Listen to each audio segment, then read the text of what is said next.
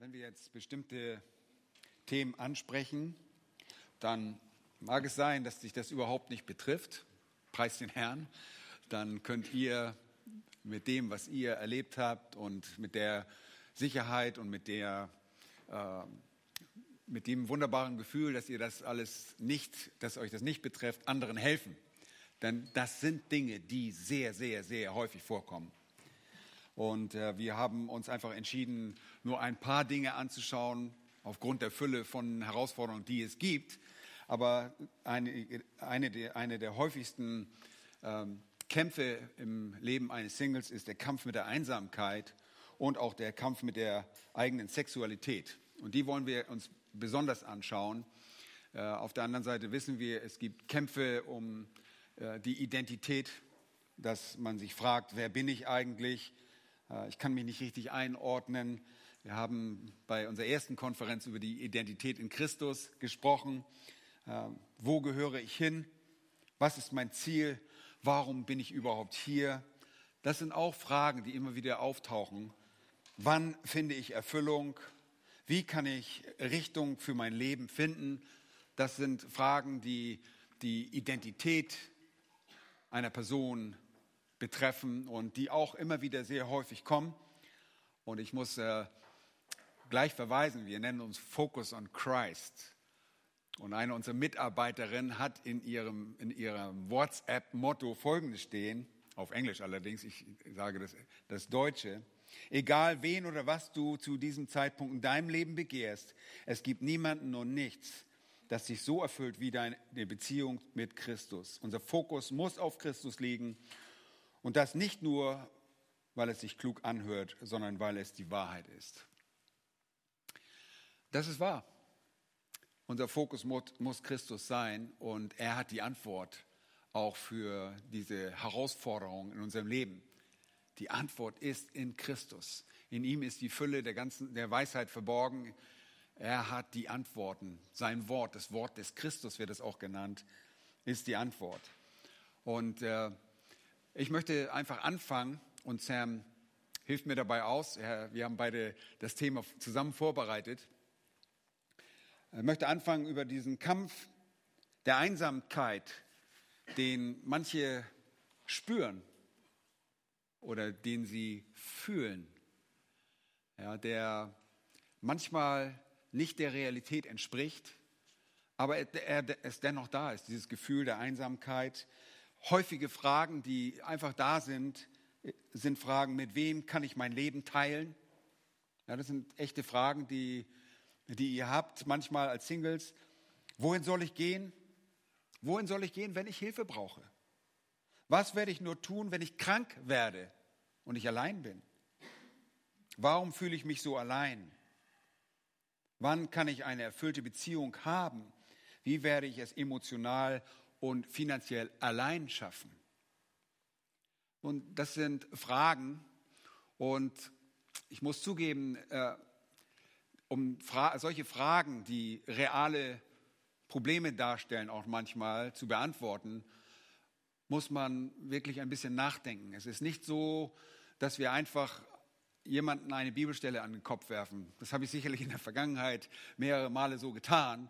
Aber das sind reale Fragen und reale Probleme und wir müssen uns in das Leben einer Person hineindenken und nicht nur von jemandem äh, von oben herab ein schnell, schnelles Patentrezept. Ich glaube, es gibt sogar äh, diese Seelsorgebücher. Man guckt nach, welches Problem gibt es. Ah, schnell die Bibelstellen rausschmeißen und dann schickt man per E-Mail diese äh, Bibelstellen zurück. Sicherlich auch gute Bibelstellen, aber wir müssen auch als Seelsorger und als solche, die mit anderen zu tun haben, oder ihr auch, wenn ihr mit solchen Leuten zu tun habt, sehr viel Einfühlungsvermögen haben. Wir sollen die Wahrheit in Liebe äh, vermitteln. Das ist ein ganz wesentliches Element dabei, wenn wir solche äh, Fragen oder solche äh, Verzweiflung manchmal der, des, Einsamen, des Alleinseins oder des einsamen Fühlens an uns herangetragen wird, dann können wir sagen, ach, ist, du, du, bist doch nicht, der Herr ist doch immer bei dir, also ist doch alles erledigt. Du, du hast einfach falsch, du denkst einfach falsch. Fertig. Okay? Äh, nächster Seelsorgefall. Nummer 25 bitte. Äh, ich glaube, wir brauchen Einfühlungsvermögen. Viele dieser Fragen sind, äh, sind Fragen, die wir auch beantworten können und bei denen man tatsächlich auch was machen kann, weil es nicht nur eine eingebildete Sache ist. Okay? Ich hoffe, ihr versteht, was ich sage. Wenn jemand sagt, ich, ich bin manchmal im Abseits, dann stimmt das auch manchmal sehr. Ja, wir, wir haben Kreise, die sind einfach, und ihr wisst vielleicht auch, wovon ich spreche, die sind immer nur dabei, die reden immer nur über Familie und Familienwachstum und wie man Kinder erzieht und man achtet nicht auf Alleinstehende. Die werden einfach übergangen dabei und man fühlt sich ein bisschen ausgegrenzt. Ich weiß nicht, ob ihr das mal erlebt habt, aber es gibt bestimmte Kreise, in denen ihr auch ein bisschen komisch angeguckt werdet, weil ihr nicht verheiratet seid. Ja, und äh, da fühlt man sich ein bisschen ausgegrenzt und das sind legitime Fragen, die ihr habt. Ja, warum kann ich nicht sein wie die anderen oder warum übersieht man uns einfach? Und wir wollen einfach ein bisschen auf diese, diese Fragestellung einfach mal eingehen. Äh, ich weiß, dass Sam auch äh, sich ein bisschen damit auseinandergesetzt hat, das äh, ein bisschen theologisch auseinanderzunehmen. Ich will ihn mal zu Wort kommen lassen für die, die ersten Fragen. Es ist äh, vielleicht noch ergänzend zu dem, was du gesagt hast. Ja. Du hast von Einfühlvermögen gesprochen und das stimmt. Wir müssen sehr einfühlsam sein, weil es kann jemand zu dir kommen. Pass auf, ich bin, ich fühle mich so alleine. Ja, und darunter kann eben die Angst sein und die Sorge, wie wir vorhin schon besprochen haben. Dahinter kann sich aber auch Wut verbergen. Ja, und wenn wir dann kommen, ja, Jesus ist immer bei dir, dann bekämpfen wir nur die Frucht des Ganzen. Ja, es ist immer nur, okay, ich pflück den Apfel vom Baum und tacke einen neuen Apfel dran. Äh, bringt nicht viel, weil nach drei Wochen bist du wieder da. Und deswegen können wir auch nicht jeden einzelnen, jedes einzelne Szenario durchgehen, habe ich vorhin auch schon gesagt. Das ist unmöglich. Ich habe eine Frage an euch. Was war der einsamste Moment in der Weltgeschichte? Wer weiß das? Jesus am Kreuz. Warum? Weil Gott ihn verlassen hat. Ja, und äh, manchmal kommt die Frage so, ja, äh, ich weiß, es heißt immer, Christus ist der hohe Priester, ja, der Mitleid haben kann mit mir, aber ich bin so einsam, ich bin so alleine. Jesus kann kein Mitleid mit mir haben. Ja, und dann zu dieser Stelle zu gehen, pass auf, Jesus ist ein hoher Priester und wenn da steht, er hat Mitleid. Jesus hat die größte Einsamkeit erlebt, die je jemand erleben kann, solange wir auf dieser Erde sind. Gott wendet sich nicht ab von uns. Ja, nicht mal, wenn wir ungläubig sind, dann fällt der Regen fällt auf die Gläubigen und auf die Ungläubigen. Ja, die ernten auch. Ähm, der einsamste Moment ist der Tod Christi am Kreuz, als er ruft, mein Gott, mein Gott, warum hast du mich verlassen? Und diese Grundlage zu haben und dieses Verständnis zu haben, ist so wichtig. Auf der anderen Seite müssen wir auch verstehen, dass wenn du zum Beispiel jetzt sagst, äh, wenn ich verheiratet wäre, wäre ich nicht so einsam. Ja, auch, auch das kommt häufig. Äh, und auch das ist eine Illusion. Ja, weil selbst in einer Ehe kannst du einsam sein. Angenommen, dein Mann ist irgendein Businessmann und der ist vier Tage die Woche weg auf Business-Trips. Äh, Dienstreise, so heißt es, auf Deutsch. Ähm, was machst du in der Zeit? Da bist du alleine. Angenommen, deine Frau hat Krebs, muss ins Krankenhaus, Bestrahlung und ist vier Monate, fünf Monate im Krankenhaus. Was machst du in der Zeit zu Hause? Bist du alleine? Im Alter, dein Partner bekommt Krebs, äh, Alzheimer, du pflegst ihn mit voller Hingabe, aber du bist alleine. Ja, wenn ihr an Gefangene denkt, in Isolationshaft, die sind alleine. Ja, wenn ihr an Christen in der Verfolgung denkt, die sich im Untergrund treffen müssen, die vielleicht auch alleine sind, weil sie verfolgt werden. Ja, wir, wir müssen verstehen, dass eine Ehe kein, äh, keine Lösung für Einsamkeit ist. Ja, und dass wenn wir äh, um Einsamkeit, das alles tun, Entschuldigung, um die Einsamkeit zu eliminieren, dass wir dann an der falschen Stelle ansetzen. Ja, weil wenn mein Ziel ist, okay, ich möchte nicht mehr einsam sein, deswegen mache ich das und das und das. Ja, weil ich mich so alleine fühle, weil sich das, mein Leben fühlt, fühlt sich unerfüllt an. Also fange ich an, darauf einzugehen, rauszufinden, wie ich denn dieses Bedürfnis der Einsamkeit füllen kann. Aber es dreht sich nicht um Jesus, okay, sondern es dreht sich um mich und meine Einsamkeit. Dann fängst du vielleicht an, gehst vielleicht dumme Beziehungen ein. Ich habe von Leuten gehört, die angefangen haben zu rauchen, damit sie bei der Arbeit mit den Leuten rausgehen können, die rauchen. Okay? Weil sie dazugehören wollen, weil sie sonst einsam sind.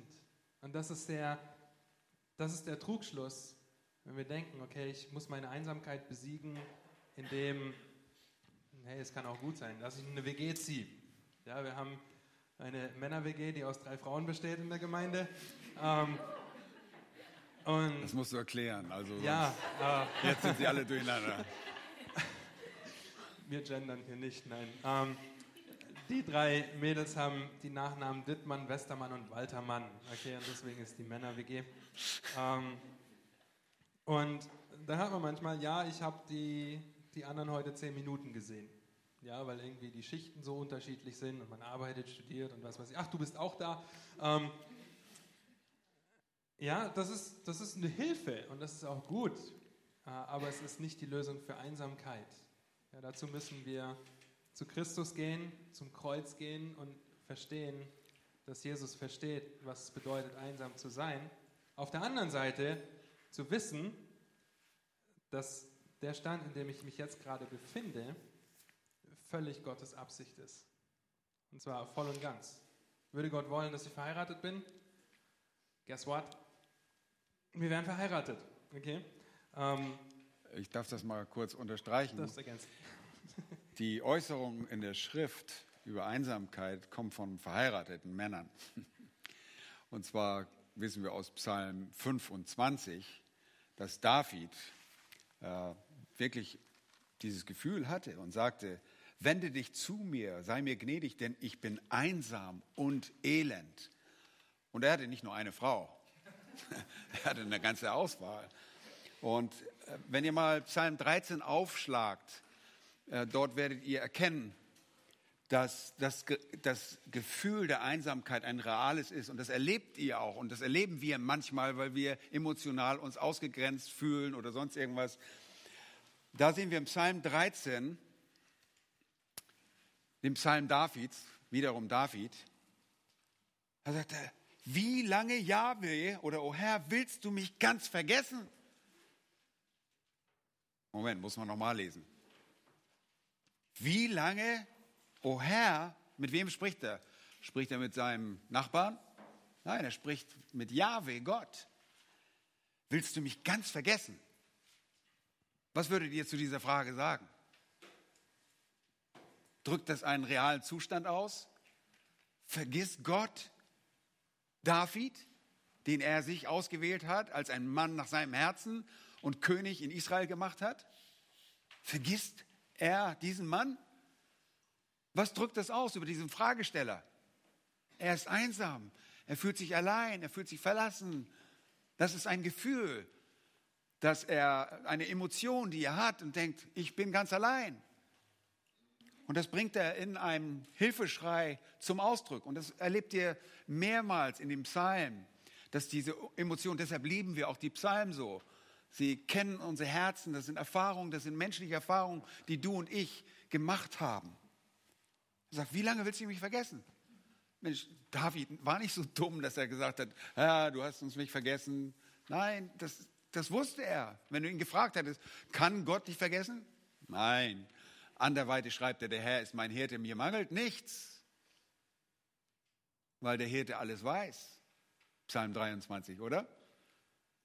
Wir sehen also, er ist in einem emotionalen Zustand, der ihnen zeigt, ich bin völlig allein. Und es gibt es. Das ist eine reale Situation, in der ihr manchmal so denkt, ich bin völlig allein. Das kann ich auch als Verheirateter denken. Ich bin völlig allein mit meinem Problem.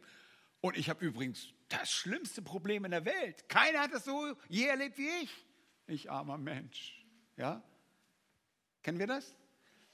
Und dann Sagt er, wie lange verbirgst du dein Angesicht vor mir? Wie lange soll ich Sorgen hegen? Seht ihr seine Emotionen, die er auf den Tisch bringt?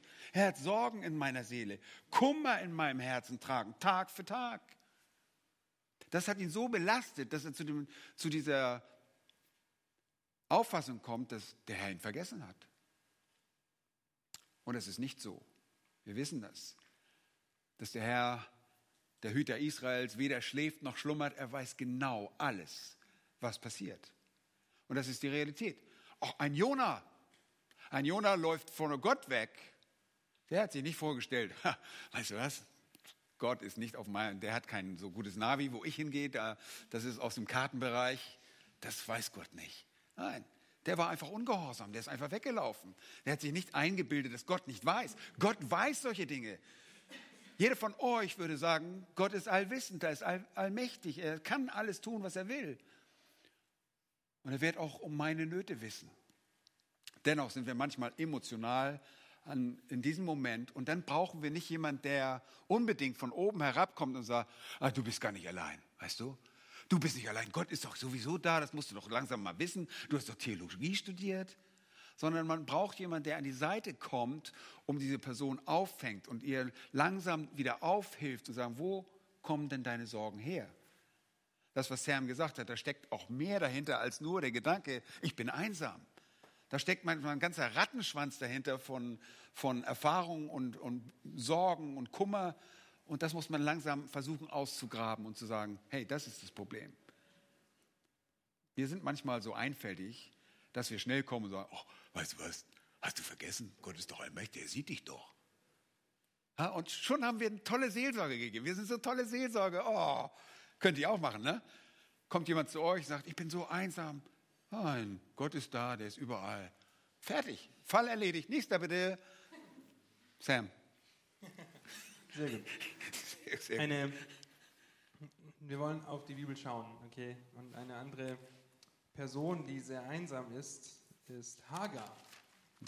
Vielleicht erinnert ihr euch. Mhm. Ja, Hagar, die äh, Knecht, die Sklavin von Sarah, äh, die Sarah dem Abraham gibt, dass Sarah Nachkommen hat und dann bekommt sie den Ismael oder hat ihn noch nicht, aber ist schwanger. Und da heißt es in 1. Mose Kapitel 16 in Vers, ab Vers 5, da sprach Sarai zu Abraham, das Unrecht, das mir zugefügt wird, treffe dich. Ich habe ihr meine Magd in den Schoß gegeben. Da sie nun aber sieht, dass sie schwanger ist, bin ich verächtlich in ihren Augen. Jahwe sei Richter zwischen mir und dir.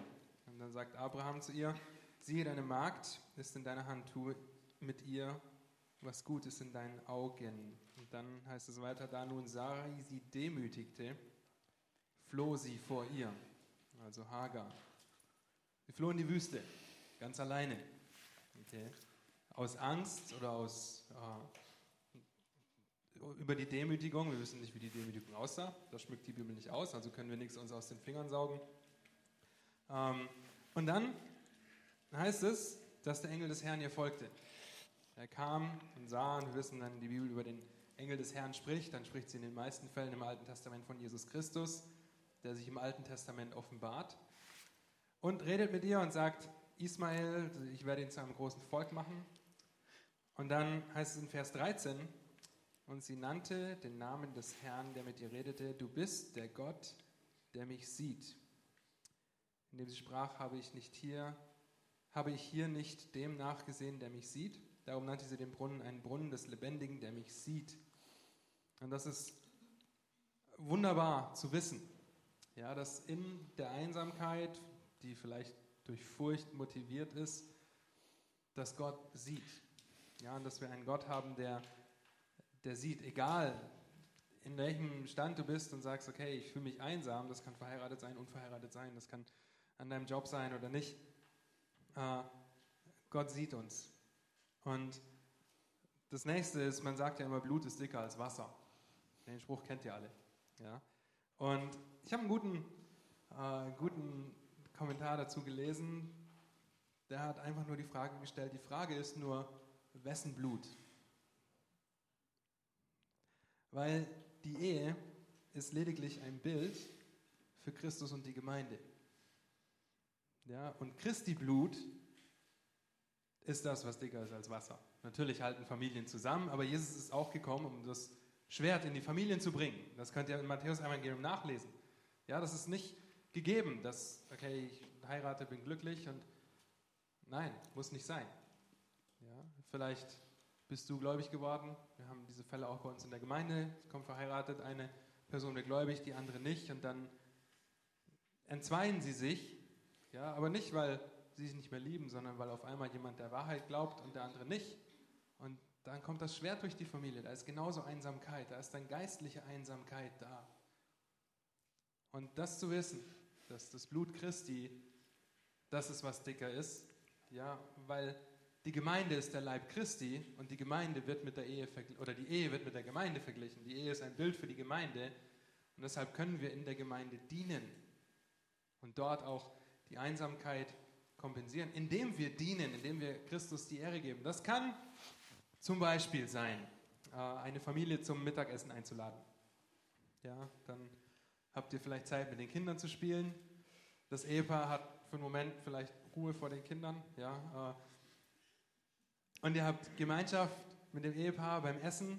Ja, aber so ist es ein, ein Geben und Nehmen. Ja, oder ihr helft einem älteren Ehepaar aus der Gemeinde, ja, indem ihr ganz einfache Hausarbeiten für sie erledigt oder Einkäufe erledigt, sie vorbeibringt und ihr dient ihnen und gleichzeitig dienen sie euch, weil ihr von ihrer Lebenserfahrung profitieren könnt, von den vielen Geschichten, die sie erlebt haben, die sie durchgemacht haben. Und das, ist, das sind wunderbare praktische Beispiele. Ja, oder einfach eure täglichen Erledigungen ähm, zu verbinden und das mit jemandem zusammen zu machen. Und dann müsst ihr den Tag vielleicht etwas umstrukturieren, das auch hinzukriegen. Aber es ist wunderbar, wie wir sehen können, dass das Blut Christi die Gemeinde zusammenhält und nicht die Familien in der Gemeinde. Okay, es ist Jesus Christus, er ist unser Haupt, ob ich verheiratet bin oder nicht. Und er kann diese Einsamkeit stillen. Aber wir müssen immer uns hinterfragen, warum stelle ich diese Frage der Einsamkeit? Ja, ist es, weil ich Gott dadurch anklage, dass er nicht weiß, was gut für mich ist, dass ich wütend werde? Ja, oder ist eben diese Angst, okay, was passiert, wenn ich alt bin und immer noch alleine bin? Wer kümmert sich dann um mich? Und wie soll das funktionieren? Und da kommt dann die Gemeinde ins Spiel, aber das sind dann, ups, jeder hat drei Wurf. Ähm, das sind dann die Sorgen, die Angst und nicht die Wut. Okay? Oder, oh, ich fühle mich so einsam und deswegen äh, bin ich jetzt töricht und lass mich auf irgendeine Beziehung mit einem Ungläubigen ein. Die Torheit, ja, dass man, okay, ich, ich, muss mit dir nicht an deiner Einsamkeit arbeiten, ich muss mit dir an der Torheit, an der Angst oder an der Wut arbeiten, weil das tiefer liegt als Einsamkeit. Natürlich kann ich dir jetzt ein Büchlein über Einsamkeit in die Hand drücken, aber das wird nicht sehr viel weiterhelfen, wenn wir nicht verstehen, woher sie kommt. Und deswegen müssen wir darüber nachdenken, über was wir nachdenken. Ja, und das ist einfach so, so wichtig, sich da zu hinterfragen. Ja, warum stelle ich mir diese Frage der Einsamkeit? Was, was liegt dahinter? Möchte ich erreichen, dass diese Einsamkeit gestillt wird?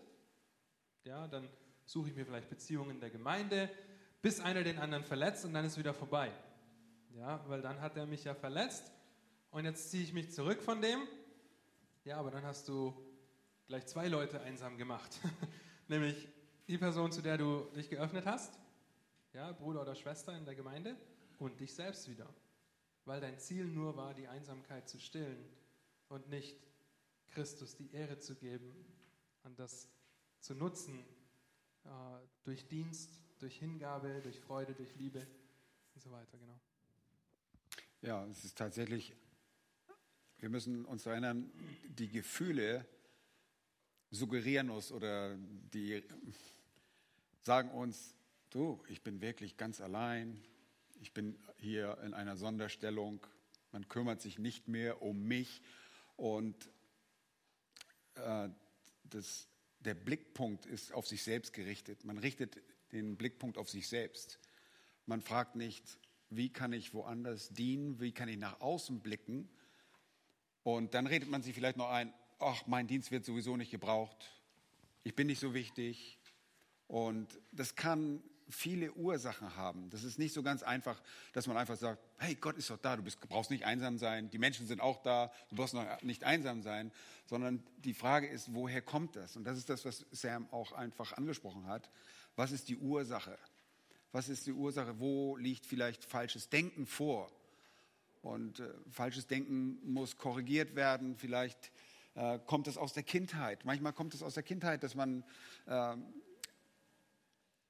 irgendwie langfristig ähm, schlecht behandelt wurde oder missbraucht wurde. Das kann alles ursächlich sein, dass die kleinste Sache in deinem Leben dir den Eindruck gibt, dass du verlassen bist und einsam bist. Und die Realität ist weit ab davon. Du bist sogar sehr aktiv. Du bist sehr aktiv, du bist ständig mit anderen Leuten zusammen, du unternimmst was, aber du hast eine bestimmte Vorstellung, wie eine Gemeinschaft aussehen muss. Und wenn sie nicht so eintrifft, wie ich sie mir vorstelle, dann bin ich einsam, weil ich meine eigene Vorstellung nicht umsetzen kann und ich vielleicht Rücksicht nehmen muss. Eins der Probleme, und das kennt ihr auch, äh, wenn man länger als alleine lebt, dann hat man sich an bestimmte Abläufe im Leben gewöhnt.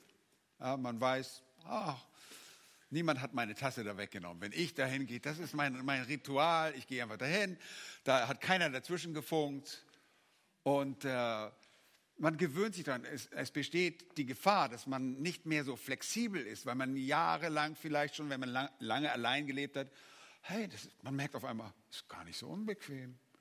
Ja, anstatt sich auf jemanden anders einzustellen äh, und zu merken, Mensch, das ist ja gar nicht so einfach, wenn jetzt jemand in mein Leben kommt, dann muss ich mich auf jemand anders einstellen.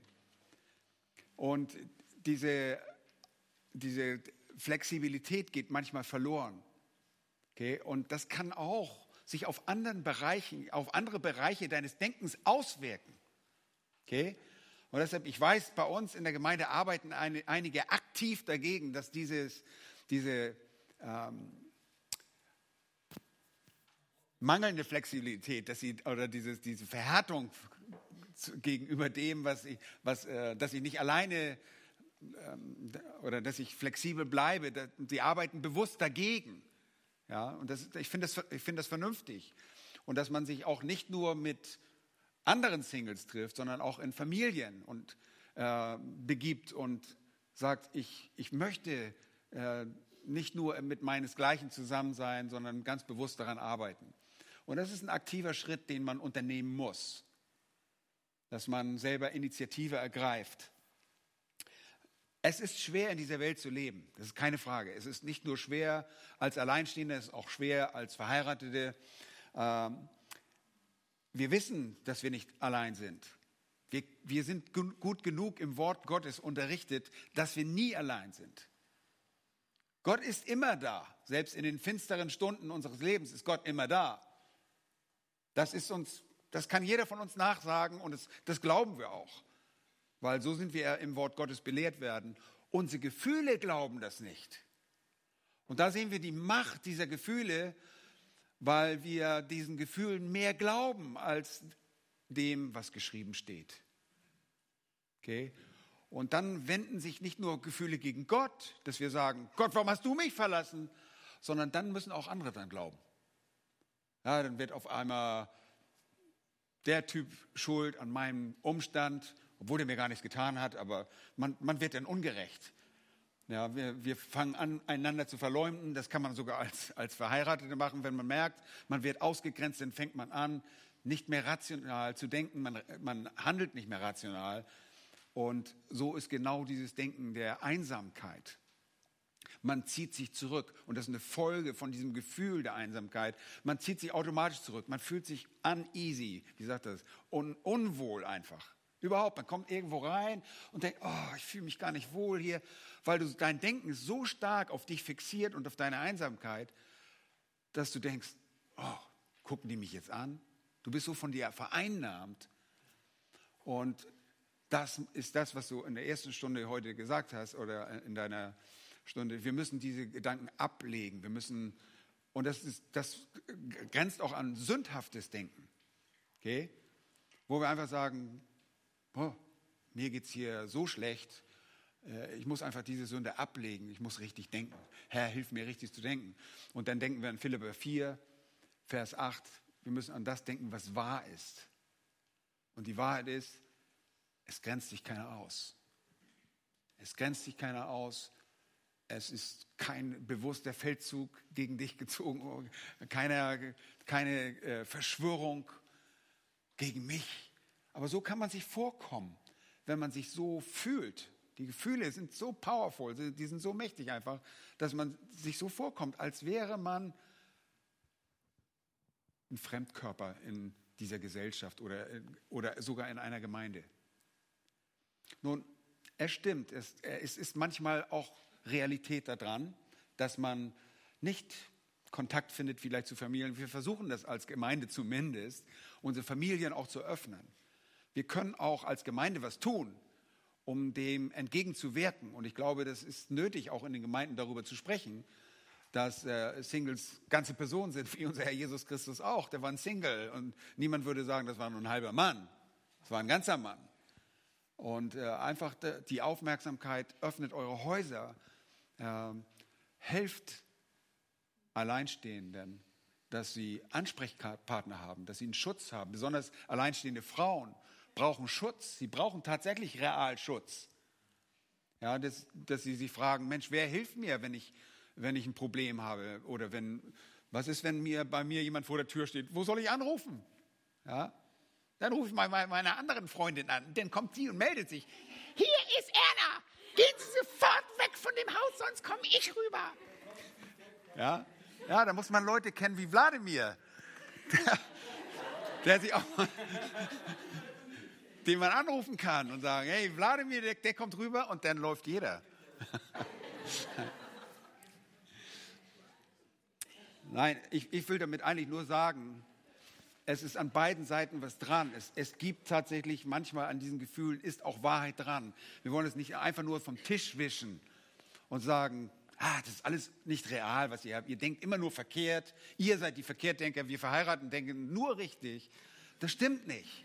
Wir denken auch schräg. Wir müssen auch manchmal ins richtige Fahrwasser gebracht werden. Und trotzdem kann es auch sehr sündhaft sein, so zu denken. Und dass man sich isoliert und auf einmal komisch wird. Ja. Vielleicht äh, abschließend ganz kurz. Ja. Wir haben nur eine Dreiviertelstunde gebraucht. Äh, nur so. für die Einsamkeit. Ach du Schreck. warum, redest, warum, redest du auch so viel? Ja, richtig, genau. Ähm, ihr könnt wirklich Gottes Wort studieren, weil Einsamkeit, selbst Christen können Einsamkeit erfahren, weil sie das Richtige tun. Denkt an Noah und seine Familie. Ja, der 120 Jahre lang da diese Arche baut und immer Buße und Absolut. keiner, nicht einer, ja, die lachen ihn aus. Ja, Jeremia auch. Jeremia, ja. Äh, geht durch die Bibel und schaut, und vor allem, wenn ihr ein bisschen über Einsamkeit dann studiert, werdet ihr feststellen, dass die erste Einsamkeit im Garten Eden begonnen hat. Ja, als Adam und Eva gefallen sind, was machen die? Die stehen nicht füreinander ein, ja, sondern jeder ist für sich. Die Frau, die du mir gegeben hast, die Schlange ist schuld, ja, da beginnt das.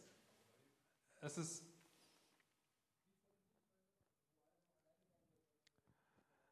Absolut nicht. Vor dem, vor dem Sündenfall. Wer kommt auf die Idee, dass Adam eine Frau braucht? Gott. Okay? Adam, ja. Männer blicken das nicht. Nein, ähm, Nein, pass auf.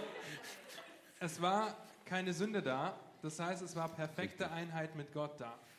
Ja, das heißt, Adam hat überhaupt nicht das Verlangen oder auch nur den Ansatz des Gefühls von Einsamkeit gehabt, weil er in perfekter Harmonie mit Gott gelebt hat. Das war ihm sogar egal, als Gott ihm die ganzen Tierehepaare vor die Nase gestellt hat. Das hat er nicht geblickt. Das liest man manchmal in Kinderbibeln, ne? So. Richtig. Dann ja. findet er den Affen und er sagt, oh, zu viele Haare. Und genau. Er, er, hat es nicht, ja, weil das vor dem Sündenfall nicht nötig war, weil Adam in perfekter Gemeinschaft ja. Und da ist es wieder Gemeinschaft, nicht Einsamkeit. Okay? Er hat in perfekter Gemeinschaft mit Gott gelebt. Und das mit dem Sündenfall ist das zerbrochen. Ja, und deshalb ist die Einsamkeit eigentlich das Getrenntsein von Gott. Und wir haben keinen Grund, einsam zu sein, wenn wir Gottes Kinder sind, ja, weil wir dann wieder eine Beziehung zu Gott haben. Ähm, ja, äh, wollt ihr, dass wir die Stunde auf anderthalb Stunden ziehen, weil dann können wir das nächste Thema vielleicht ein bisschen ausführlicher noch behandeln und nicht in einer Viertelstunde jetzt schnell runterrattern. Haben wir echt noch bis fünf oder wie? Offiziell haben wir nur bis fünf. Ach, oder? Ja, okay. Ja. Ja. Okay. Abend, wann? Um 18 Uhr. Aber das ist ja auch kein so interessantes Thema, das zweite. Okay, gut. Doch, es ist ein sehr, sehr wichtiges Thema. ähm, ich habe, ich glaube, in den, in den Jahren der Seelsorge mehr mit diesem Thema zu tun als alles andere. Ja, die Thema der Sexualität, also nicht nur von Singles, aber auch von Verheirateten. Das ist das Thema, das äh, sehr oft auch in der Bibel angesprochen wird. Äh, es kommen einfach Fragen und von Alleinstehenden ist es einfach so, wie kann ich meine Sexualität ignorieren? Gott hat mich doch so gemacht. Äh, es geht doch gar nicht. Ich kann das doch nicht einfach unterdrücken, dass ich fühle, wie ich fühle. Wie soll ich mein, mit meinen sexuellen Wünschen umgehen? Äh, wie gehe ich mit dem Gefühl um, dass ich äh, irgendwie sexuelle Erfüllung verpasse? Ich verpasse doch irgendetwas. Und das ist unterschiedlich ausgeprägt. Manchmal haben Alleinstehende aus früheren Beziehungen, bevor sie vielleicht gläubig waren oder auch äh, weil sie vielleicht gesündigt haben, Erfahrungen gemacht. Und das ist besonders schwierig für Leute, die in Beziehungen standen. Und sie fragen, wie kann ich wie kann ich damit umgehen? Ich, ich weiß, was es bedeutet und äh, verpasse ich nicht etwas, wenn ich nicht heiraten kann? Wie reagiere ich auf andere, die mich als sexuelle Versager sehen oder zumindest empfinden manchmal äh, Singles das so, dass sie so angesehen werden und ah, du hast halt noch keine Erfahrung, du kannst doch gar nicht mitreden, wir, wovon wir hier gerade sprechen. Wie konnte Gott mich zu einem sexuellen Wesen überhaupt machen? und mir dann eine sexuelle Beziehung verweigern? Das ist eine Frage, die äh, manchmal herumgetrieben wird und äh, die an die Oberfläche kommt. Wie soll ich meine Sexualität außerhalb der Ehe ausdrücken? Ähm, und die Antwort darauf ist nicht so ganz einfach, aber äh, es, es ist einfach so, Gott hat geschaffen als Mann und Frau. Und im Garten Eden gab es keine Sünde. Und der Mensch wurde auch geschaffen, damit er sich was? Vermehre. Und es ist auch richtig zu heiraten. Es ist auch nicht aufgehoben und gesagt, hey, stopp, nicht mehr heiraten, ist jetzt vorbei die Zeit. Das sollen wir immer noch. Nur gibt es auch Leute, die gerne heiraten möchten, nicht heiraten können, weil Gott keinen kein Partner für, ihn, äh, für die Person bereitstellt. Und das wird manchmal aufgefasst, dass man denkt, oh, Gott hat mich verlassen oder ich bin einfach vergessen worden. Nun, die Tatsache ist, nach dem Sündenfall gibt Gott bestimmten Menschen auch die Gabe, allein zu sein. Nicht jeder Single möchte heiraten. Es gibt Singles, ich habe sogar Männer getroffen, es gibt nicht sehr viele, aber ich habe Männer getroffen und gesagt,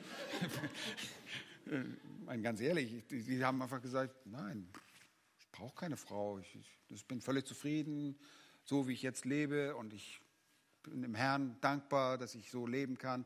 Und Frauen auch. Das ist, äh, ist völlig in Ordnung. Und jetzt gibt es dennoch Leute, die das nicht können oder meinen nicht zu können, weil sie sagen, ich habe einfach diesen starken Drang, ich möchte heiraten. Und dieses möchte heiraten ist okay, denke ich. Es darf nur nicht zu einem Götzen werden. Die Frage stellt sich einfach, wie kann ich in der Zwischenzeit einfach mit meinem Körper so umgehen, dass es Gott wohlgefällig ist? Und das ist letztlich die Frage, die euch Sam jetzt beantwortet. Du bist gut. Ähm, die Frage geht auch damit einher, vielleicht äh, einige kennen das, dass in der heutigen Gesellschaft gesagt wird, dass Sex ein Grundbedürfnis ist. Ja? habt ihr vielleicht schon gehört. Essen, Sex, Schlaf, ja. Ähm, aber wenn das so wäre, dann wären wir alle verheiratet, weil das der Rahmen ist, in dem Sexualität ausgelebt wird. Ja. Da das nicht so ist, muss es natürlich Wege geben, äh, wie wir uns enthalten können, bis wir heiraten und einfach rein sein können ähm, und Gott die Ehre geben können. Und oft ist die Frage, okay, wie, wie mache ich das? Ja, einmal studiere Gottes Wort. Gut, das ist die Antwort auf jede, auf jede Frage, ja, aber äh, selbst Männer in, in Gottes Wort haben Precautions, wie sagt man? Ähm, Vorkehrungen, Vorkehrungen getroffen. getroffen. Vielen Dank. Äh, sie haben Bünde geschlossen. Ich denke an Hiob, Hiob 31,1, wo es heißt, ich aber habe einen Bund mit meinen Augen geschlossen, niemals mit Lust auf eine junge Frau zu blicken, so Pi mal Daumen. Ja, ähm, ihm, er hat das gemacht, weil er hatte den souveränen Gott im Blick und er wusste, dass das Ehebruch ist und Jesus bestätigt das ja. Ja, wer eine Frau lüstern anschaut, begeht schon Ehebruch. Ja, dann sind wir alle schon schuldig geworden. Ähm, wir müssen hier einfach aufpassen und uns anschauen, was sexuelle Unmoral mit uns macht. Sei es dadurch, dass wir irgendwelche Romane lesen, ja, die die Gedanken beflügeln, sei es, dass wir Pornografie anschauen, ähm, was sich einige vielleicht überhaupt nicht vorstellen können. Es ist eine abartige Vorstellung, aber dennoch ist es eine der häufigsten Dinge, warum auch Leiter einer Gemeinde disqualifiziert werden. Sexuelle Unmoral. Ja, das ist so, weil das alles Dinge sind, die wunderbar im Verborgenen passieren. Und da liegt die Gefahr drin. Ja, ihr könnt zu Sprüche 7 gehen. Oder Sprüche 5. Genau, das wird das Thema auch angesprochen. Da wird einfach aufgezeigt, wenn die, diese Schritte aufgezeigt. Sprüche 5 äh, ist es, glaube ich, gell, wie der Ochs. 7. 7 ist wie der Ochs zur Schlachtbank. Und 5 ist, dass die Lippen verführerisch sind und äh, glatt sind. Ja. Ähm, denn von Honig triefen die Lippen der Verführerin und glatter als Öl ist ihr Gaumen. Das heißt, sie versucht hier wirklich einzulullen und zu überreden. Sprüche 7 ist der Wunder, das wunderbare Beispiel. Er steht am Fenster und holt seinen Sohn dazu und zeigt ihm auf, hey, pass auf. Ah, es ist so gefährlich. Und schau dir das an, weil das ist wie der Ochse, der zur Schlachtbank geht. Ja, ja. Diese Verführerin, ich übergebe dir wieder. Ja, lass uns mal dieses Sprüche 7 durchgehen. Und zwar ist da diese hurische Frau, ähm, Salomo beobachtet sie oder beschreibt es, sein Sohn, er warnt sie einfach und er blickt durch das Fenster und sie sieht, er sieht sie unbändig und zügellos. Äh, schaut mal Vers 10, siehe, da lief ihm eine Frau, also der, er sieht einen jungen Mann, guckt aus dem Fenster ähm, und Vers 10, siehe, da lief ihm eine Frau entgegen in Hurenkleidung und mit arglistigem Herzen. Sie ist unbündig und zügellos. Ihre Füße können nicht zu Hause bleiben. Bald ist sie auf der Straße, bald auf den Plätzen, an allen Ecken lauert sie. Jetzt achtet mal genau, wie er, wie diese Frau die Sinne anspricht, die Gefühle anspricht, um diesen Mann zu kriegen, wo sie ihn haben möchte. Es fängt an über das Gefühl, da ergriff sie ihn und küsste ihn. Ja, küssen, ja, man küsst mit dem Mund, falls ihr das noch nicht wisst, aber äh, da sind die Nerven, die, die meisten Nerven, es geht über, der, über das Gefühl. Er wird jetzt also gefühlsmäßig erstmal eingelullt. Und mit unverschämter Miene sprach sie zu ihm, und jetzt gibt sie einen auf religiös vor, ich habe mein Friedensopfer äh, war ein Friedensopfer schuldig. Heute habe ich meine Gelübde bezahlt. Oh, was für eine tolle Frau das doch ist. Sie hat sogar die Gelübde bezahlt. Darum bin ich ausgegangen dir entgegen, um eifrig dein Angesicht zu suchen. Er fängt an zu schmeicheln. Dich habe ich gesucht und ich habe dich gefunden, nachdem ich mein Opfer dargebracht habe. Und ich fand dich auch. Mensch, das muss doch Führung sein. Ja, man kann sich das ausmalen.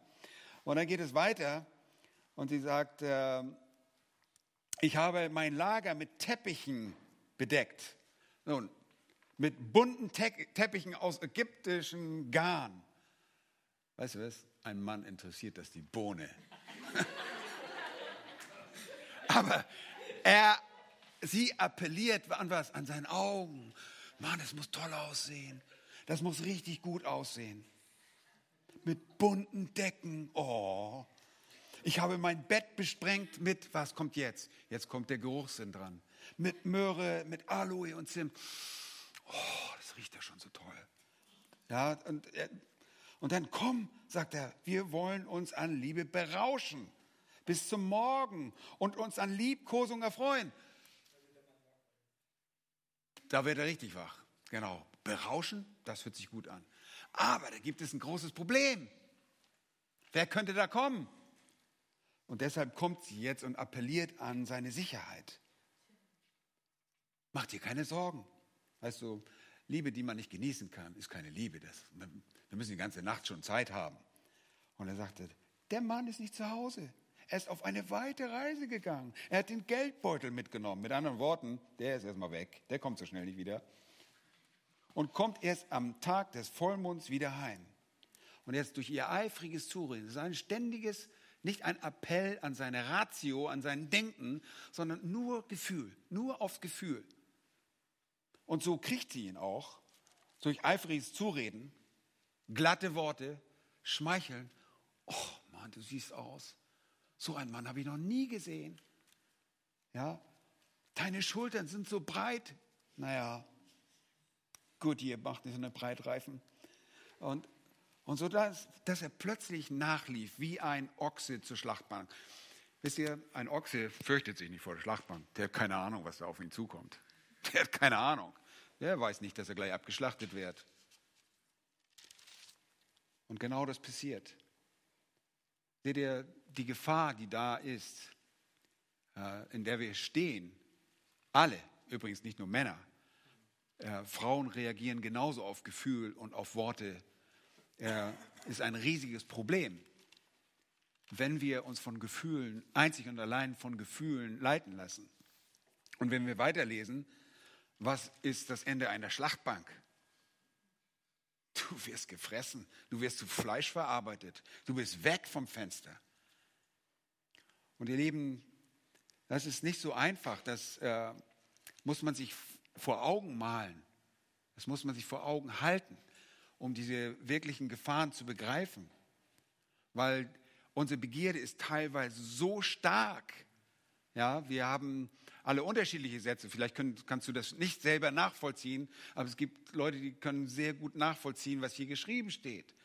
Ja, das, das hört sich alles sehr gut an und, und besonders wenn man sexuelle Erfahrungen gemacht hat, dann ist es etwas, etwas, was einem zieht und man kann leichter reinrutschen, dem nachzudenken. Ja, das ist für euch als Singles überhaupt nicht angebracht. Für Verheiratete ist es angebracht, über Sex nachzudenken. Paulus sagt, denkt an das, was gut ist, was ehrbar ist. Sexualität hat Gott gemacht. Darüber dürfen wir nachdenken. Aber Verheiratete sind nicht da in diesem, äh, in diesem Stadium, wo sie darüber nachdenken sollten, weil das bestimmte äh, Dinge auslöst. Paulus sagt, unverheiratet, äh, unverheiratet Entschuldigung. Äh, unverheiratete. Es wird uns gesagt im Römerbrief Kapitel 13, Vers 14, zieht den Herrn Jesus Christus an und pflegt das Fleisch nicht zur Erregung von Begierden. Und viele von uns wissen, dass das bedeutet, wir werden nur, wir werden schon gereizt, bestimmt durch bestimmte Impulse.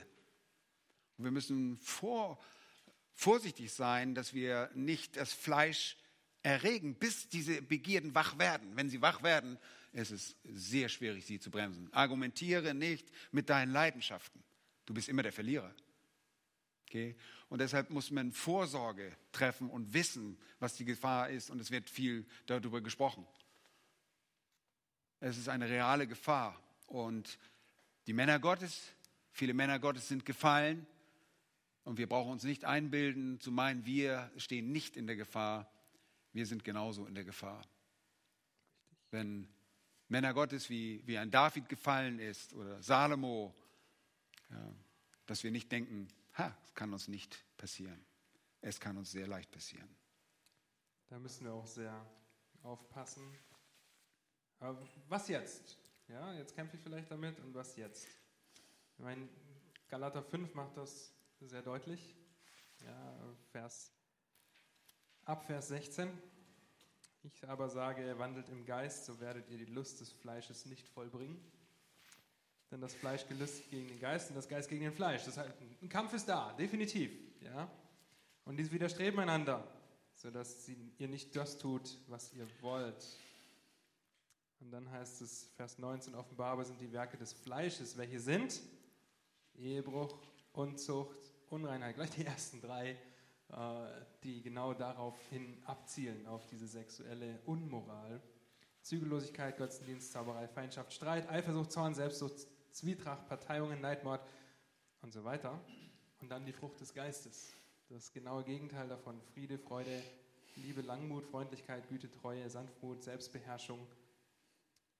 Und diese Selbstbeherrschung, die ist wirklich das Gegenteil und wo wir uns auch wappnen können. Und hier kommt dann wieder Philippa 4 ins Spiel, ja, dass wir über die Wahrheit nachdenken. Aber wie, wie geht das? Und auch das in der Seelsorge. Ich habe mich da immer wieder dabei ertappt und die BGBler wissen das. Ähm, man kennt Philippa 4, Vers 8. Man findet den Vers so wunderbar, weil der wirklich gut ist. Okay, über das denke ich nach. Jetzt habe ich mir die Liste hier gemacht und da denke ich jetzt drüber nach. Okay, aber wie kann ich da wirklich drüber nachdenken? Und dieser Abschnitt, der fängt früher an als Vers 8.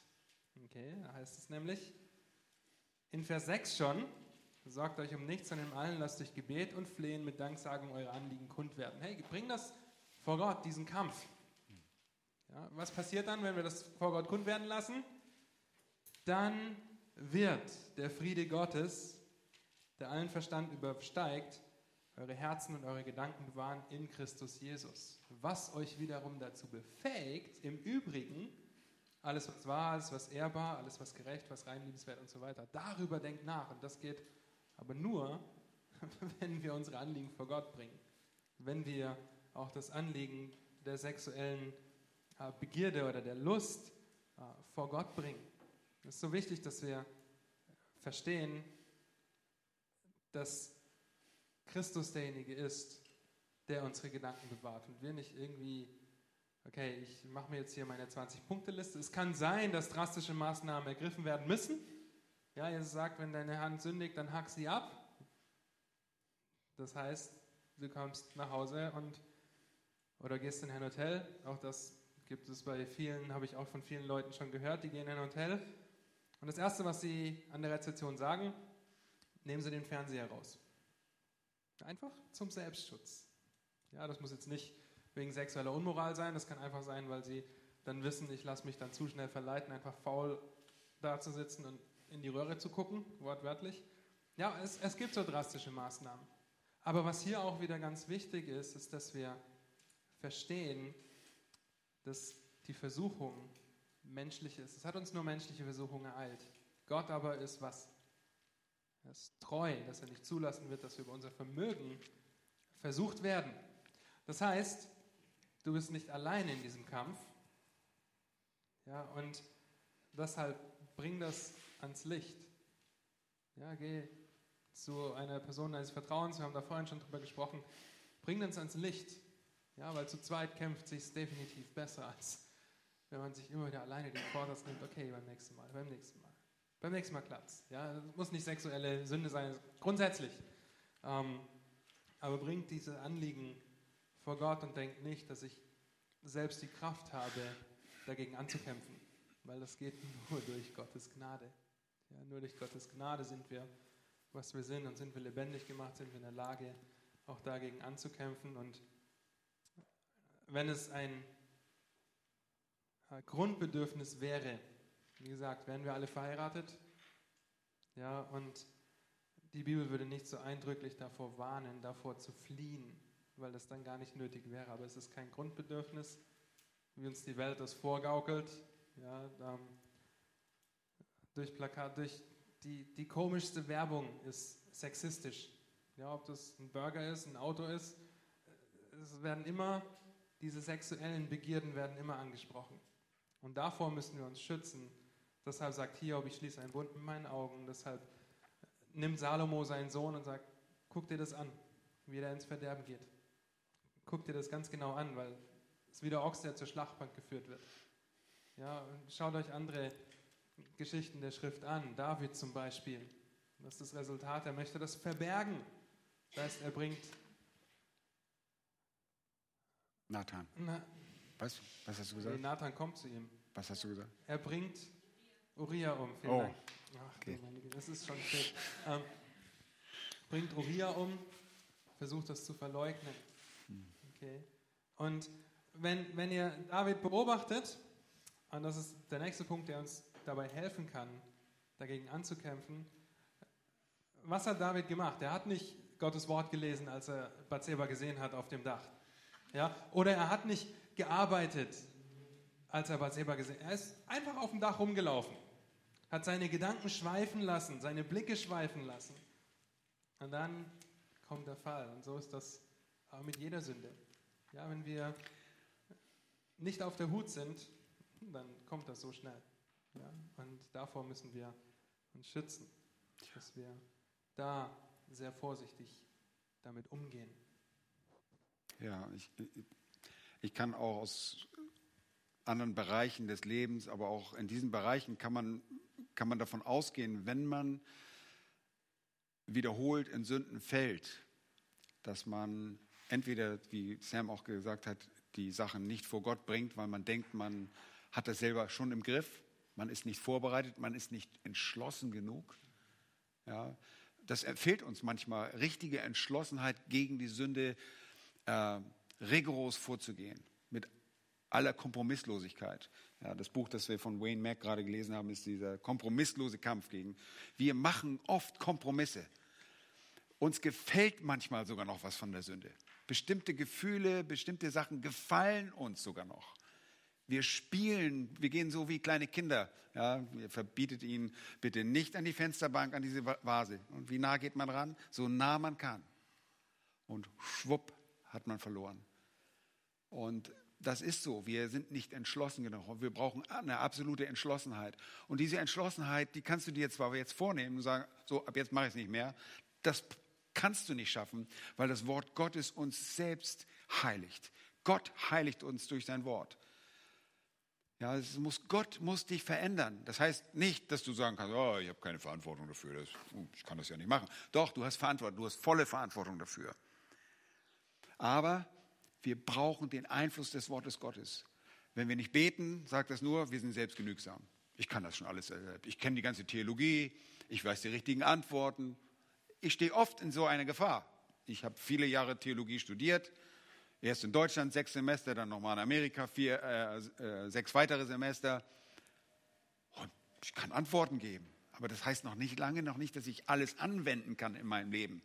Und dazu kommt, dass wir auch bestimmte Schwierigkeiten in unserem Leben haben, bestimmte Sätze von Begierden, die mir zu eigen sind und anderen nicht. Und viele dieser Begierden sind im Bereich der Sexualität. Ja, andere haben vielleicht eine Habsucht. Die möchten immer was Neues kaufen und befriedigen sich praktisch durch ein neues Produkt, das sie gekauft haben. Erfreuen sich an irgendeinem neuen Auto oder einem neuen Kleidungsstück oder neue Schuhe oder sonst irgendwas. Ja, es ist so ein Ersatz für Gott. Das ist, das ist, weil der Mensch ist so eine, wir sind so eine, äh, wie sagte Calvin, eine äh, Götzenfabrik. Wir, wir konstant machen wir irgendwas, was uns befriedigt, weil wir von Christus wegkommen. Christus soll unsere Befriedigung sein. Er soll uns befriedigen. Und da, wo wir es nicht tun, schaffen wir uns irgendwas. Wir können es in Sport. Wir können sportlich so aktiv werden. Nicht nur im Aktiven, sondern auch im Passiven. Glotzen und glotzen, bis uns die Augen rausfallen. Ja? Und meinen, wir wären sogar noch sportlich. Ho, wann sind wir sportlich? Und, ja, oder das Essen. Ja, wir, wir essen und essen, wir können nicht aufhören zu essen. Kennt, ihr kennt sicherlich Leute, die haben wirklich Probleme einfach mit Essen, die essen einfach. Und du sagst, hör doch einfach auf zu essen. Stell das doch einfach ab. Und die sagen, ich kann das nicht. Ja, ich, das, das muss ich mit Gottes Kraft ändern, mein Leben. Ja, und, und so ist es auch im Bereich der Sexualität. Du kannst nicht einfach sagen, oh, okay, ab morgen werde ich nie wieder lüstern sein. Du hast dich schon so dran gewöhnt. Und wir leben auch in einer sexualisierten Gesellschaft. Ja, geht durch, im Sommer einmal durch die Stadt. Ihr müsst hier fast mit einer Augenbinde rumlaufen, damit ihr nicht stimuliert werdet. Vielleicht nicht alle Frauen gleichmäßig so viel, aber es gibt auch Frauen, die stimuliert werden, aber mehr, mehr Männer, die visuell darauf ein, sich einlassen. Und es ist schlimm. Ich denke schon manchmal, dass ich einen Unfall mache, wenn es irgendwelche Werbung gibt und ich einfach weggucke. Dann gucke ich auf eine andere Straßenseite und nehme, ja, das ist, aber das ist viel tiefer, das. Ja, Jesus sagt, wenn euch das Auge ärgert, reißt es raus. Es kommt nicht mit einem Messer an und macht es, äh, sondern das ist einfach mit aller Konsequenz. Wir sind nicht, wir sind nicht entschlossen genug. Wir spielen damit. Und es muss ein, eine wirkliche Überlegung sein. Ihr müsst so satt sein. Paulus sagt selber in Römerbrief, dass er sich Dinge vornimmt. Er möchte diese Dinge tun und dann stellt er wieder fest, ach, er tut doch wieder das, was er nicht getan hat. Ja, das ist dieser, dieser elende Kampf mit unserer verderbten menschlichen Natur, bis wir endlich mal verherrlichte Leibe haben. Der bleibt erhalten, der ist real. Aber wir können auch Sieg erringen. Und trotzdem verlieren wir immer wieder. Der Gerechte fällt auch siebenmal und steht wieder auf. Nur nochmals, um zu brechen, können wir nicht sagen, naja, alle haben gesündigt. Und unser Herz ist so verdreht und sagen, naja, die anderen haben auch gesündigt. Ich sündige halt auch. Unser Herz ist so krank, so krank, dass es unheilbar ist, sagt Jeremia, Jeremia 17, Vers 9. Und wir legen das immer uns so hin, wie es uns, wir wollen uns immer im besseren Licht sehen. Und naja, so schlimm sind wir doch nicht und ich kann das ja noch mal wagen. Und, und dann traut man sich auf einmal wieder neue Dinge zu und bums, liegt man wieder auf der Nase, hat wieder gesündigt. Und eins der großen Probleme ist, wir verstehen weder die Tiefe unserer eigenen Sünde noch die Heiligkeit Gottes richtig. Und du kannst dir sagen, oh Gott ist so heilig. Und ich bin so ein elender Sünder. Ich bin schon fast stolz drauf, ja, dass ich so ein elender Sünder bin. ja.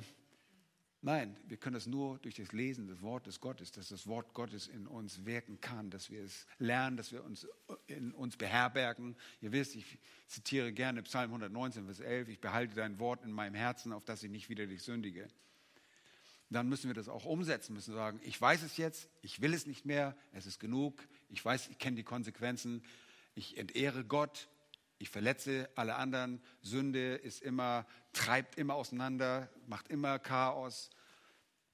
Und nur mit Gottes Gnade können wir bestimmte Dinge auch in dem Bereich der Sexualität überwinden und es schaffen. Und wie Sam sagt, uns vielleicht jemanden anvertrauen, wer für einen mitbetet und ihm Rechenschaft ablegen. Wobei nicht die Kraft in der Rechenschaft liegt, sondern im Wort Gottes.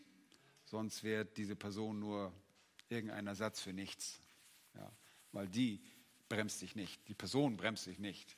Die wirst du nur anlügen, die Person. Oder sonst was erzählen. Und immer ihr Mitleid suchen. Ach ja, du hast es schon wieder nicht geschafft. Du bist aber schlimm. Nächstes Mal gehe ich in die Gemeinde. Ja. Und wer das. Nein, die Person, die Rechenschaftsperson wird es nicht schaffen. Es ist nur Gott. Und er wird es durch sein Wort schaffen. Ähm ja. Sehr gut. Nein. Äh, 1. Korinther 10, Vers 13 ist dieser Vers, den ich gerade zitiert habe, bisher nur menschliche Versuchung. Und dann in Vers 14 heißt es, darum, meine Geliebten, flieht dem Götzendienst. Das ist also nicht ein, okay, hier ist meine Kante, und da steht, flieht dem Götzendienst. Also gehe ich so an die Kante ran. Ja, nein, es ist ein, ich mache den größtmöglichen Bogen um diese Kante, um diese Klippe. Ich fliehe davor, ich renne davor weg. Ja, denn wir müssen auf der Hut sein. Warum? Weil der Satan umhergeht wie ein brüllender Löwe und sucht, wen er verschlingen kann. Ja, 1. Petrus 4. Und es ist so wichtig, dass wir uns immer wieder die Sündhaftigkeit der Sünde vor Augen halten. Dass wir begreifen, was Sünde eigentlich tut, wie sie um sich greift, wie sie einfach nur giftig, eklig und tödlich ist. Ja, und was Christus erleiden musste, damit wir Gemeinschaft mit ihm haben können heute. Er musste die Sünde auf sich nehmen und es war der einsamste Moment in der Geschichte. Ja. Vielleicht noch ergänzend dazu, was einfach so hässlich ist in unserem Leben, ist, wenn wir dagegen angehen, gegen Mahnungen, die wir auch durch unser Gewissen, Gott hat uns ein Gewissen gegeben, das entsprechend unserem Wissen aus der Schrift, das Gewissen urteilt immer nach dem höchsten Standard, das es bekommt.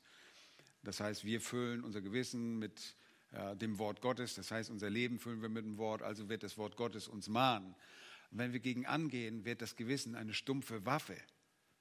Ja, das wird einfach eine, eine stumpfe Waffe und das, das funktioniert nicht mehr. Man kann das töten.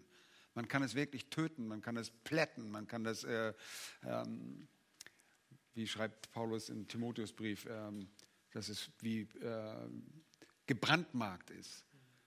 Wenn man ein Tier brandmarkt, dann werden die Nervenenden getötet beziehungsweise werden unempfindlich für, für Berührung.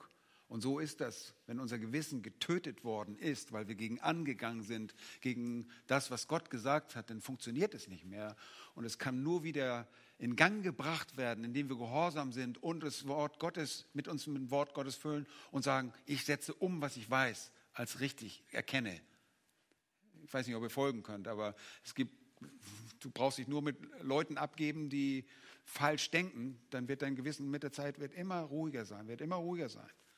Bei ähm, Massenmördern hat man das mal ähm, erfragt, wie das eigentlich, wie sie konnten, wie sie eigentlich Leute umbringen konnten.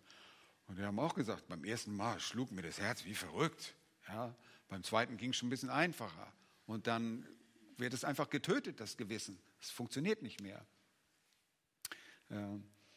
Und so ist es sehr wichtig, dass wir, wenn wir darin versagt haben, anfangen wieder neu gehorsam zu sagen, ich werde gehorsam sein, ich nehme es mir vor, ich werde gehorsam sein, ich werde folgen, ich werde das tun, was Gott sagt, damit wir wieder neu sensibel werden, damit das Herz wieder schlägt und puckert, wenn wir der Sünde nahe kommen, dass alle Alarmglocken klingeln und bimmeln, wenn du der Sünde nur nahe kommst. Dass sie nicht nur irgendwo im Hintergrund wie Kirchenglocken erscheinen, sondern wie ein, ein elendes Warnsignal, das losgeht. Und dann kann Gott dich schützen so. Das ist wunderbar. Und dafür gibt es dann auch den Psalm 1 zum Beispiel. Ja, wohl dem, der nicht handelt im Rat der Gottlosen. Deshalb, und das ist immer so wunderbar, wie ich muss immer wieder schmunzeln, weil die 5Gs ähm, immer wieder zum Vorschein kommen. Ja, weil ohne Gemeinschaft, ohne Gehorsam, ohne Glauben, ohne Gebet, ohne Gottes Wort funktioniert es nicht. Und wenn du nur eins von diesen Dingen vernachlässigst, dann werden alle anderen Bereiche darunter leiden.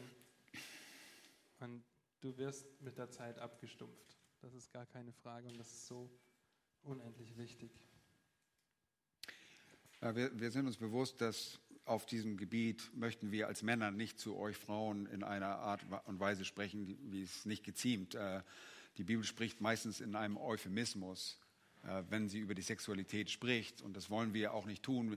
Wir können uns das vorstellen, dass wir in einem künftigen Seminar das Thema mal äh, so ansprechen, dass Frau, dass vielleicht eine reife, äh, alleinstehende Frau mit euch allein Frauen mit Frauen spricht und wir Männer zu Männern sprechen. Wir wollen bestimmte Themen einfach nicht so offen ansprechen, weil wir glauben, dass wir einfach bestimmte Gefühle dabei verletzen. Das wollen wir nicht tun. Äh, trotzdem wollen wir das allgemein, die Bibel spricht auch so allgemein davon. Und wir glauben, dass es sehr wichtig ist, dass, man, dass wir dieses Thema, ähm, dass, man das, dass, dass das ange, ähm, angesprochen wird. Es ist, es ist und bleibt ein Thema. Es wird nicht vom Tisch geräumt werden.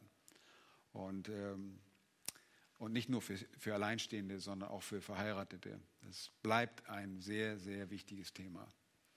Richtig. Und, ähm, und wenn, und wenn es dein, dein Ziel ist, zu heiraten, weil du dann sexuelle Befriedigung erlebst, dann hast du eine falsche Motivation. Ja, und das wird in einer Ehe, bleibt die Versuchung ganz genauso da. Ja, nur weil wir verheiratet sind, eben heißt es nicht, dass wir nicht mehr einsam sind, heißt es nicht, dass wir vor sexueller Sünde bewahrt werden. Ja, auf keinen Fall. Ja, der, die Illusion, und vielleicht denkt man sich, okay, mein Prinz holt mich ab auf dem Pferd ähm, und dann reiten wir über alle Berge und alles wird perfekt. Ja, ja dein Prinz, wenn er Jesus heißt, dann wird es perfekt. Ja, weil er die Erfüllung gibt. Aber wenn der Peter heißt, dann wird das nicht der Fall sein. Ja, und das müssen wir uns vor Augen halten, dass die Veränderung meiner Umstände bewirken nicht, dass mein Herz sich verändert. Vielleicht kurzfristig, aber nicht langfristig. Ja, sondern Gottes Wort bewirkt, dass sich mein Herz verändert. Die Wahrheit bewirkt, dass sich mein Herz verändert und nicht irgendwelche Umstände, ja, die ich meine zu brauchen, damit es mir besser geht. So ist es nicht. Genau. Ja, das stimmt. Und äh, als Verheiratete können wir das auch sagen. Es gibt auch keine absolute sexuelle Erfüllung in der Ehe. Man könnte immer denken, es könnte immer noch besser sein. Es gibt nur die absolute Erfüllung beim Herrn. Und die werden wir eines Tages bei ihm erleben. Ja, diese Erde lässt immer etwas offen. Wir leben in einer gefallenen Welt und Gott lässt uns das spüren. Und wenn wir unsere Dinge in diese Hoffnungen hineinversetzen, in, in irdische Dinge, die wir dann zu Götzen machen, dann lässt Gott uns das sehr wohl wissen. Und er wird uns, er hat die Kraft, uns jederzeit zu demütigen, wenn wir in irgendeiner Weise überheblich werden und meinen, wir haben jetzt das Glück für uns gefunden, nur für uns. Und meinen, wir sind absolut, wir sind nicht befriedigt. Wir sind nicht absolute Befriedigung. Wir können damit leben, weil Gott hat gesagt, sei dankbar, sei zufrieden, ähm, sag Dank in allen Dingen. Und das können wir tun. Und äh, trotzdem weichen wir manchmal ab und sagen, oh, ich will mehr. Das ist eine Habsucht. Manchmal haben wir diese Gier, dass wir mehr wollen. Wir sündigen uns. Wir müssen zurück zu dem, wo wir sagen, Herr, danke, dass du was du mir gegeben hast, ist gut. Und ich will einfach dankbar sein.